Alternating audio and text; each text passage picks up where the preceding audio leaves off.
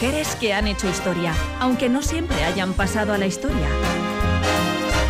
Algunas hoy célebres, otras aún por descubrir. Algunas heroínas, otras villanas, todas singulares. Es tiempo de hacer visible lo invisible. Es tiempo de vivir para contarlas. Y sí, tenía que haber segunda temporada de Vivir para contarlas, este espacio en el que recuperamos, empoderamos y visibilizamos a grandes mujeres que han pasado la historia o que les ha costado pasar la historia. Nosotros les vamos a dar ese espacio. Fíjense, el próximo 19 de septiembre se van a entregar los premios Emmy que concede la Academia de Televisión de Estados Unidos. Entre las series que más candidaturas han reunido destaca The Crown con 24 nominaciones en total. Se la recomiendo absolutamente disfrutar, porque esa es la palabra, disfrutar de esta serie. Entre esas candidaturas está la de mejor actriz principal de drama para Emma Corrin por su interpretación de una jovencísima Lady D y de forma paralela, en la competición oficial de la pasada Mostra de Venecia, se estrenó Spencer, que es una película dirigida por Pablo Larraín y que está protagonizada por Kristen Stewart en el papel de Lady Di. Edu Rebaz, ¿qué tal? ¿Cómo estás? Bienvenida de nuevo. Hola, encantada de repetir, muchísimas gracias. Y resulta evidente, Edurne, que 24 años después de su trágico final, la conocida como princesa del pueblo sigue siendo una figura que despierta pues un gran interés, ¿no? Al tiempo que su muerte sigue estando para algunos rodeado de incógnitas. Sí, es indudable que en su corta pero muy intensa vida, Lady Di, que el pasado 1 de julio hubiera cumplido 60 años, alcanzó y mantiene además el estatus de mito e icono internacional. Fue célebre por su belleza, su estilo, su peculiar carisma y una mezcla de simpatía, empatía, naturalidad y cercanía que resultó del todo rupturista ¿no? en el frío y protocolario entorno de la familia real británica. La princesa de la tímida sonrisa y la mirada esquiva fue también una comprometida activista en diversas causas sociales en cuyo favor supo capitalizar el foco que le proporcionaba precisamente su enorme popularidad pero el precio que pagó por el insaciable escrutinio público y la despiadada persecución mediática a la que se vio sometida fue, como sabemos, el más alto imaginable. Nos adentramos en la historia que empezó como un cuento de hadas, se convirtió en un culebrón y terminó en drama. Hoy, en Vivir para Lady Diana Spencer.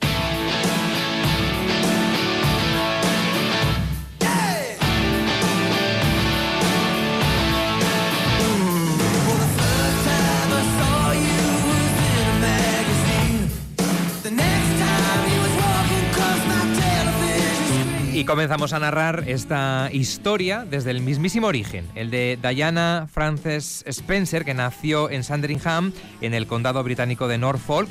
Lo hace el 1 de julio de 1961. Fue la cuarta de los cinco hijos que tuvieron John Spencer, octavo conde de Spencer, y la honorable Frances Roche, vizconde de Althorp.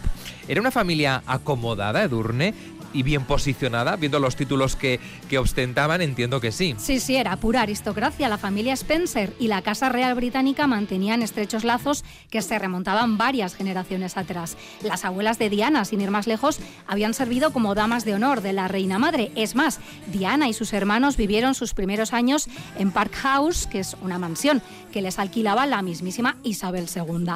En un movimiento inusual y muy escandaloso entre la aristocracia, sus padres se divorciaron cuando ya tenía seis o siete años. Su madre abandonó el hogar familiar para iniciar una nueva vida junto a otro hombre y esto marcó profundamente a Diana. Una vez finalizados sus estudios, en 1978 se instaló en Londres, donde en un piso que compartía con varias compañeras llevaba una vida pues bastante normal, encadenando trabajos no muy bien remunerados.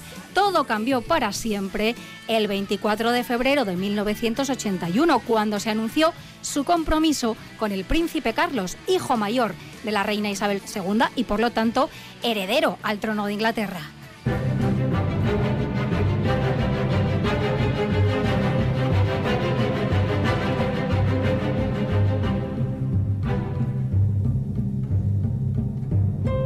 Pero hasta que llega ese 24 de febrero de 1981, cuando se anuncia el compromiso entre Carlos y Diana, pues antes tuvo que haber una relación, ¿no? Es cierto que Lady Diana y Carlos, el príncipe de Gales, se conocieron cuando ella tenía solo 16 años y como ya hemos dicho existía una previa y longeva relación entre ambas familias. Pero el detalle sorprendente es que Carlos estaba saliendo, atención, en realidad con la hermana Oh, sí. mayor de Diana, era Lady Shara. Eh, ¿Cómo acaban entonces enamorándose Diana y Carlos? ¿Cómo se acaba esa relación? Bueno, lo que no parece en todo caso es que las hermanas se pelearan por él, ¿no? Más bien parece que Lady Sara, pues oye, no estaba interesada más allá de esas primeras citas y sobre todo no estaba particularmente interesada en todo lo que salir con el heredero al trono de Inglaterra podría implicar, ¿no? Y Carlos, que entonces tenía ya 29 años y una considerable presión por casarse, centró su atención en la tímida pero alegre Diana, ¿no? La hermana pequeña. Tres años después se reencontraron en una barbacoa y después de una docena escasa de citas con más bien poca intimidad, aquellos dos jóvenes que apenas se conocían y poco tenían que ver en gustos e intereses anunciaron su compromiso, no sin que antes, tras un fin de semana a examen en el escocés castillo de Balmoral, la joven, bella, virginal, dulce, encantadora, aristócrata y protestante Diana recibiera el sello de aprobación de la reina, la reina madre y el duque de Edimburgo. Creyeron que aquella jovencita aparentemente ingenua se convertiría en la esposa dócil, sumisa y fácilmente manejable que ellos anhelaban como consorte para Carlos, pero se equivocaban.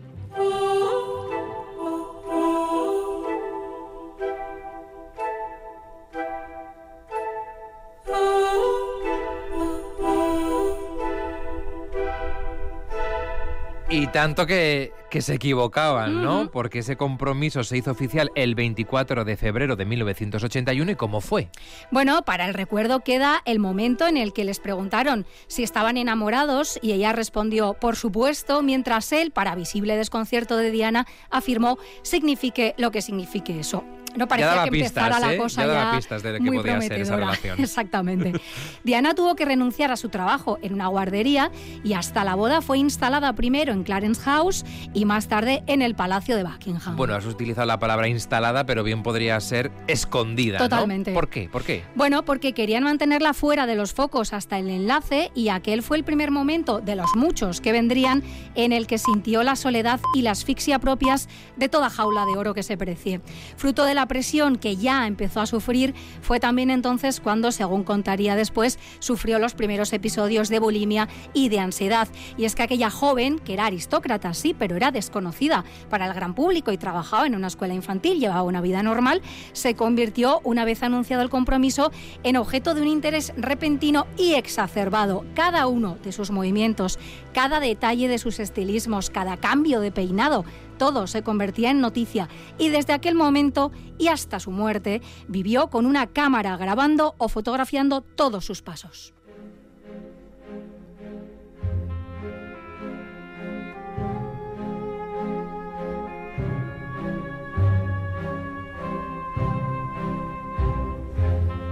Y efectivamente, tras ese compromiso, llega una boda, una, bu- una boda que fue un, un cuento de hadas, eh, excesiva más no poder. Tuvo lugar el 29 de julio de 1981 en la Catedral de San Pablo de Londres. Fue vista por más de 750 millones de personas en el mundo, además de los cientos que abarrotaron bueno, pues las inmediaciones, ¿no? las calles de la ciudad aquel día.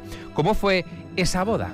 Pues fue apoteósica y, como dices, muy excesiva. Es imposible, por ejemplo, no recordar el ya icónico vestido de la novia, ¿no? Diseñado por David y Elizabeth Emanuel, un enorme merengue Excesivo, en tafetán de seda, todo enorme, con mangas abullonadas, lleno de volantes, lazos, encaje, con una cola de casi 8 metros, complementado con un velo tan voluminoso que apenas cabía en la carroza en la que se desplazó y sujeto por una impresionante tiara familiar.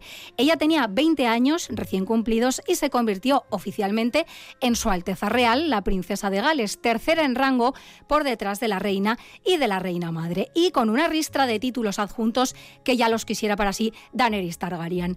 Lamentablemente, todo aquello no vino acompañado del deseable amor conyugal. Porque, no era un cuento de hadas. No lo este, era. Este matrimonio. Con una docena de citas uno no se puede conocer bien, ¿no? Las incompatibilidades de la pareja resultaban evidentes y no tardaron en hacer acto de presencia las infidelidades. Primero la de Carlos, que retomó su antigua relación con la que, como hoy sabemos, fue siempre el gran amor de su vida, ¿no? Camila Parker Bowles. Tanto es así que al parecer él tuvo la desfachatez de lucir durante su luna de miel unos gemelos que le había regalado Camila. Llevar unos gemelos de tu ex a tu luna de miel es muy duro, ¿no? Absolutamente. en tal contexto, pues Diana también acabó buscando afecto en otros brazos, como los de su guardaespaldas o los del antiguo profesor de equitación de la familia real. Ella misma afirmaría años después que tanto su esposo como el resto de los Windsor siempre la hicieron sentir inadecuada, razón por la que ella siempre intuyó que no llegaría a ser reina. I don't think many people would want me to be queen. Actually, when I say many people, I mean the establishment that I'm married into, because they've decided that I'm a non-starter. Clipped wings, I was a broken thing. Had a voice, had a voice, but I could not sing. You would want me down. Ahí hemos escuchado a la propia princesa de Gales en esa histórica entrevista que concede a la BBC. Hablaremos, ¿eh? Sí. Y nos detendremos de ella. Estaba pensando, ¿no? En la imagen del príncipe Carlos en la serie The Crown, como en la segunda temporada. eh, nos vamos como eh, acercando a su, a su figura, entendiéndole, entendiéndole. Incluso nos da Es una ternura. víctima también de la y- familia real. Y luego finalmente, ya con lo que va pasando en el matrimonio, pues eh, se le va cayendo un poco esa careta, ¿no? Bueno, a mitad de aquellos eh, evidentes problemas matrimoniales, eh, fueron llegando los niños y en paralelo el malestar en torno, eh, en torno a la familia real por el modo bastante poco ajustado al protocolo en el que Diana deseaba educarlos, bueno, pues va acrecentándose. ¿no? Vamos a hablar precisamente de, de estos dos hijos que tiene el matrimonio. El primero en llegar fue Guillermo, que nació el 21 de junio de 1982 en un hospital y no en palacio, como era costumbre por decisión de la propia Diana. A pesar de las críticas que recibió por parte de los medios de comunicación y de su familia política, incluido su marido, decidió llevarse al pequeño Guillermo a la gira de carácter institucional que la pareja hizo por Australia y Nueva Zelanda. Siempre se esforzó por conciliar sus deberes como princesa con su labor como madre y aquella no fue la única decisión respecto a la crianza de sus hijos que la princesa tomó en contra de la rígida tradición. Intentó que los niños tuvieran, dentro de lo que permitían las circunstancias,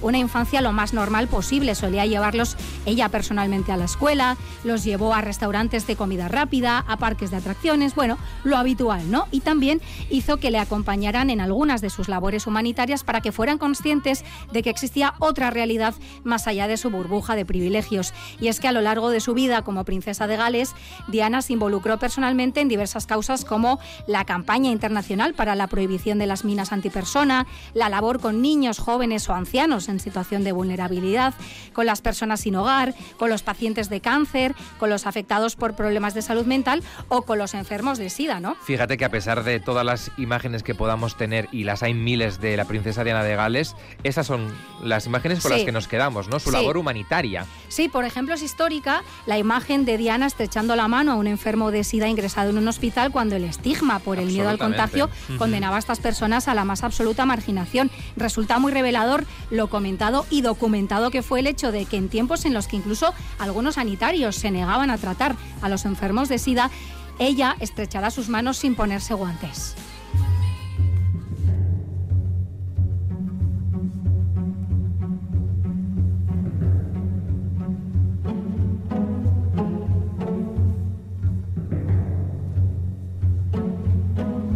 Pese a que para entonces los problemas del matrimonio eran evidentes, en 1984 nace el segundo hijo de la pareja, hoy también muy conocido, Oh, sí, bueno, sí. siempre ha sido, pero digamos que ahora está de plena actualidad. Estamos hablando evidentemente del príncipe Enrique, más conocido como Harry. Sí, y con él llegaron también las famosas fotografías de Diana embarazada y en bikini que, oh, se consideraron un escándalo, ¿no? Y también una depresión posparto en la que se sumió con una total falta de apoyo y comprensión por parte de su entorno más directo. La princesa acabaría compartiendo esta y otras confesiones en el libro Diana, su verdadera historia, escrito por Andrew Morton y publicado en el año 92, que desató una enorme tormenta mediática al revelar detalles íntimos y de lo más morboso sobre la vida marital de los príncipes de Gales. No faltaron para completar el asunto filtraciones de llamadas telefónicas privadas, tanto de Diana como de Carlos. ¿Cómo olvidar al príncipe de Gales diciéndole a Camila aquello de que le gustaría ser su Tampax? No hemos podido olvidar esas filtraciones nunca, ¿no? Qué ordinariez. Fue, fue terrible. Y a la altura de Mónica Levinsky y el afer con Bill Clinton. Por cierto, de Mónica Levinsky vamos a hablar esta temporada, que merece también que su historia se revise. ¿eh? Que se anunciara oficialmente su separación amistosa no impidió que siguieran difundiéndose detalles, confirmados o no, sobre los problemas de convivencia de la pareja y sobre las eventuales aventuras extramatrimoniales que ambos habrían mantenido. Pero cuidado, la auténtica y definitiva bomba mediática estaba por llegar y llegó en 1995.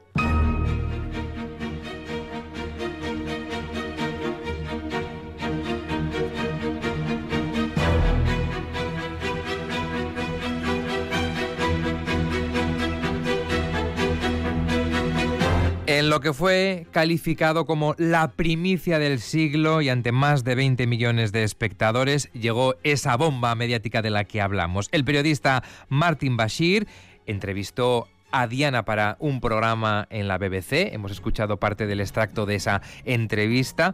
Eh, polémica eh, hemos sabido detalles posteriormente gracias a un documental y que se gestó en la más absoluta, eh, eh, más absoluto silencio. Nadie prácticamente en la BBC, salvo quien la hizo la entrevista y creo que el director general, sabían que se estaba, se estaba grabando ¿no? y que se iba a realizar. Lo que hemos sabido es que fue un encuentro que, tal y como reveló una investigación independiente y además ha reconocido la propia cadena recientemente, el periodista consiguió esa entrevista utilizando métodos fraudulentos. Y en ella, Diana habló abiertamente sobre sus asuntos extramatrimoniales y los de su marido, pronunciando ya esa frase inolvidable, éramos tres en este matrimonio, así que estaba algo abarrotado en alusión a Camila Parker Bowles. Well, there were three of us in this marriage, so it was a bit crowded.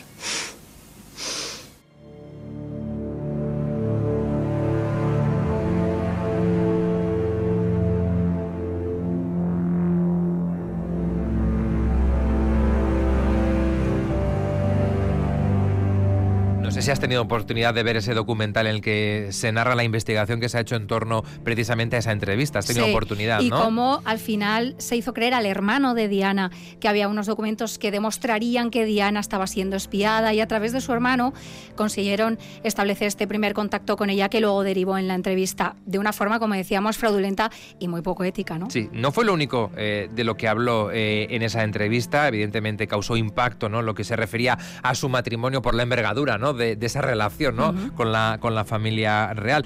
También admitió, y ya es en el plano más personal y quizás donde más está desnudando eh, la princesa Diana, eh, admitió haber sufrido episodios de, depresión, de bulimia y también de autolesiones. Eh, ¿Qué decía la prensa en torno a todo esto que estaba surgiendo y a esa bomba eh, atómica, mediática que supuso la entrevista? Bueno, la prensa hizo leña, por supuesto, de todos los tabloides, ¿no? De Sun, de Mirror, Daily Mirror, todos estos tabloides sensacionalistas, claro, Hay que decir que Diana siempre disfrutó de una gran atención mediática que ella utilizó para sus causas humanitarias, pero que también tenía ese reverso tenebroso de ser acosada a las 24 horas del día, ¿no? Y que su popularidad también escocía al propio príncipe de Gales, ¿no?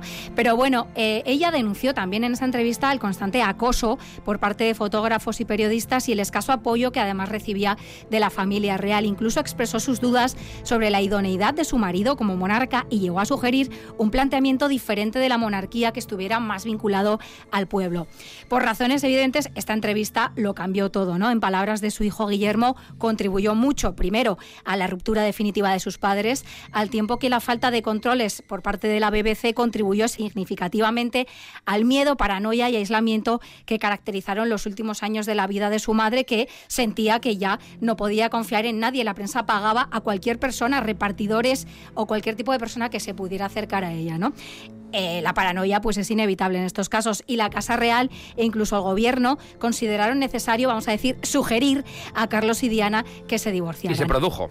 Y se produjo ese divorcio, se hizo oficial en agosto de 1996. Pese a seguir conservando el rango de princesa de Gales, a Diana sí le fue retirado el tratamiento de Alteza Real. Ya no era parte oficial de la familia real. Y a partir de aquel momento, ella se centró en su labor humanitaria y en vivir por fin de una manera libre o en intentarlo sin éxito porque fue despiadadamente acosada y perseguida por fotógrafos con una falta absoluta de ética, como decíamos, dispuestos a literalmente todo por conseguir una imagen que pudieran vender a precio de oro. ¿no? ¿Recuerda esas imágenes eh, de la princesa Diana triste prácticamente, ¿no? Mm. En, eh, en, en un yate, ¿no? En, Sí, eh, sentada en, bañador, cari acontecida prácticamente, ¿no? Cualquier imagen eh, era noticia y se publicaba en los medios de comunicación en ese acoso eh, sin precedentes prácticamente, sí. ¿no? Saber que estás, bueno, en disposición de ser vendido por cualquiera de las personas de tu entorno es una presión inaguantable, ¿no?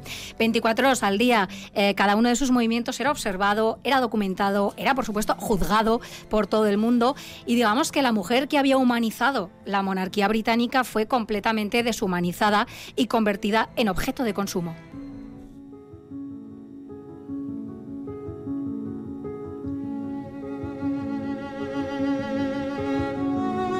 Y en la madrugada del 31 de agosto de 1997, Lady Di murió unas horas después de que el coche en el que viajaba se estrellara, huyendo de los fotógrafos a gran velocidad contra un pilar del túnel de ese célebre puente del alma en París. Era joven, Sí, muy joven. tenía solo 36 años y junto a ella perdieron la vida en el acto su entonces pareja, Dodi Alfayet, y el conductor del vehículo, Henry Paul. Sobrevivió al trágico accidente el guardaespaldas de Alfayet, Trevor Rhys Jones, que viajaba en el asiento del copiloto y era el único que llevaba puesto el cinturón de seguridad.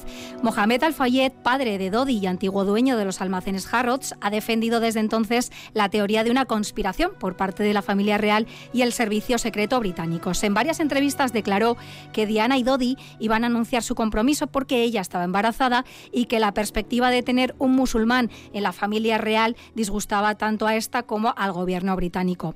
No lo sabemos porque su cuerpo fue embalsamado, no se sabe si estaba o no embarazada. Resulta sospechoso, defienden los partidarios de la teoría de la conspiración también, que ninguna cámara registrará el fatal accidente a pesar de que había varias en diversos puntos del recorrido que hizo el coche aquel día. Pero, sea como fuere, cualquier teoría alternativa a la oficial, a la del accidente, ha sido descartada por varias investigaciones llevadas a cabo tanto por las autoridades francesas como por las británicas.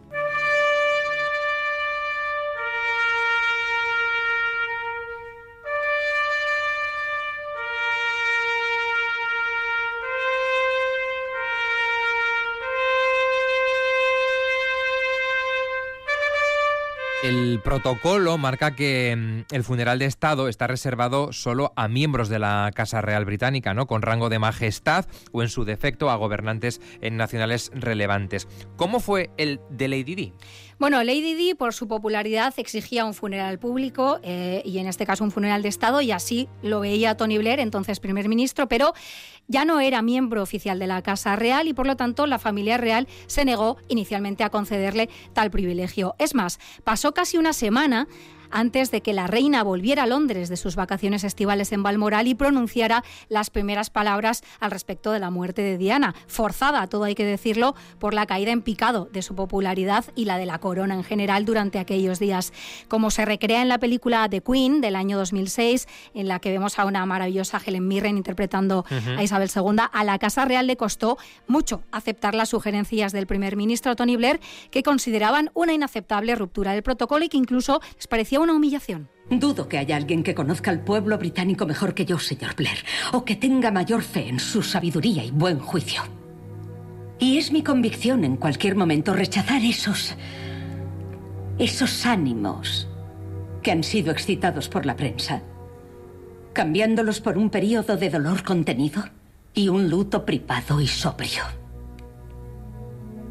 Así hacemos las cosas en este país, con discreción y dignidad.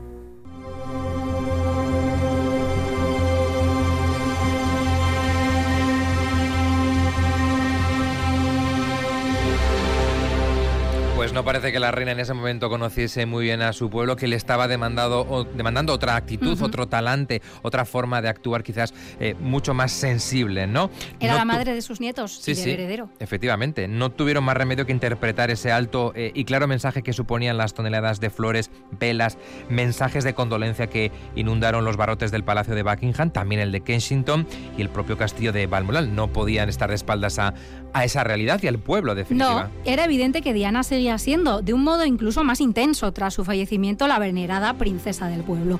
Tuvieron que asumir que un funeral sin pena ni gloria o íntimo y sobrio, pues no era una buena opción dadas las circunstancias. Para no llamarlo funeral de Estado, se inventaron la cursilada de un entierro único para una persona única. Se decretó luto nacional y las banderas de todo el país ondearon a media asta. El féretro fue trasladado en procesión sobre un carruaje hasta la abadía de Westminster y tras él caminaban el duque de Edimburgo, el príncipe de Gales, el hermano de la princesa, Charles Spencer, y sus hijos Guillermo y Enrique. Una multitud de ciudadanos llenó las calles al paso de la comitiva, a los que se sumaron las más de dos millones y medio de personas que lo siguieron en riguroso directo por televisión. En la ceremonia, en la que estuvieron presentes no dignatarios internacionales, pero sí un gran número de celebridades, actuó Elton John, amigo personal de Diana, quien para la ocasión adaptó su canción Candle in the Wind, originariamente compuesta en honor de Marilyn Monroe, y en esta ocasión la tituló Goodbye England's Rose. Goodbye, England's rose. May you ever grow in our hearts. You are the grace that placed yourselves where lives were torn apart. You called out to our country. Los restos de Lady Di descansan, según la versión, en los dominios de Althorn House, la mansión de la dinastía Spencer, o junto a su padre, en la cripta familiar de una iglesia cercana a la mansión. 24 años después de su muerte, su estrella sigue brillando como el primer día, constantemente alimentada, como veíamos, por series de televisión, películas, documentales, libros y frecuentes noticias sobre supuestos nuevos detalles de su vida, de su muerte, de su relación matrimonial o de sus presuntos amantes. Como afirmó su hermano Charles Spencer en el funeral, de todas las ironías de Diana, quizá la mayor sea que una chica que tenía el nombre de la antigua diosa de la caza acabara siendo la persona más perseguida del mundo moderno.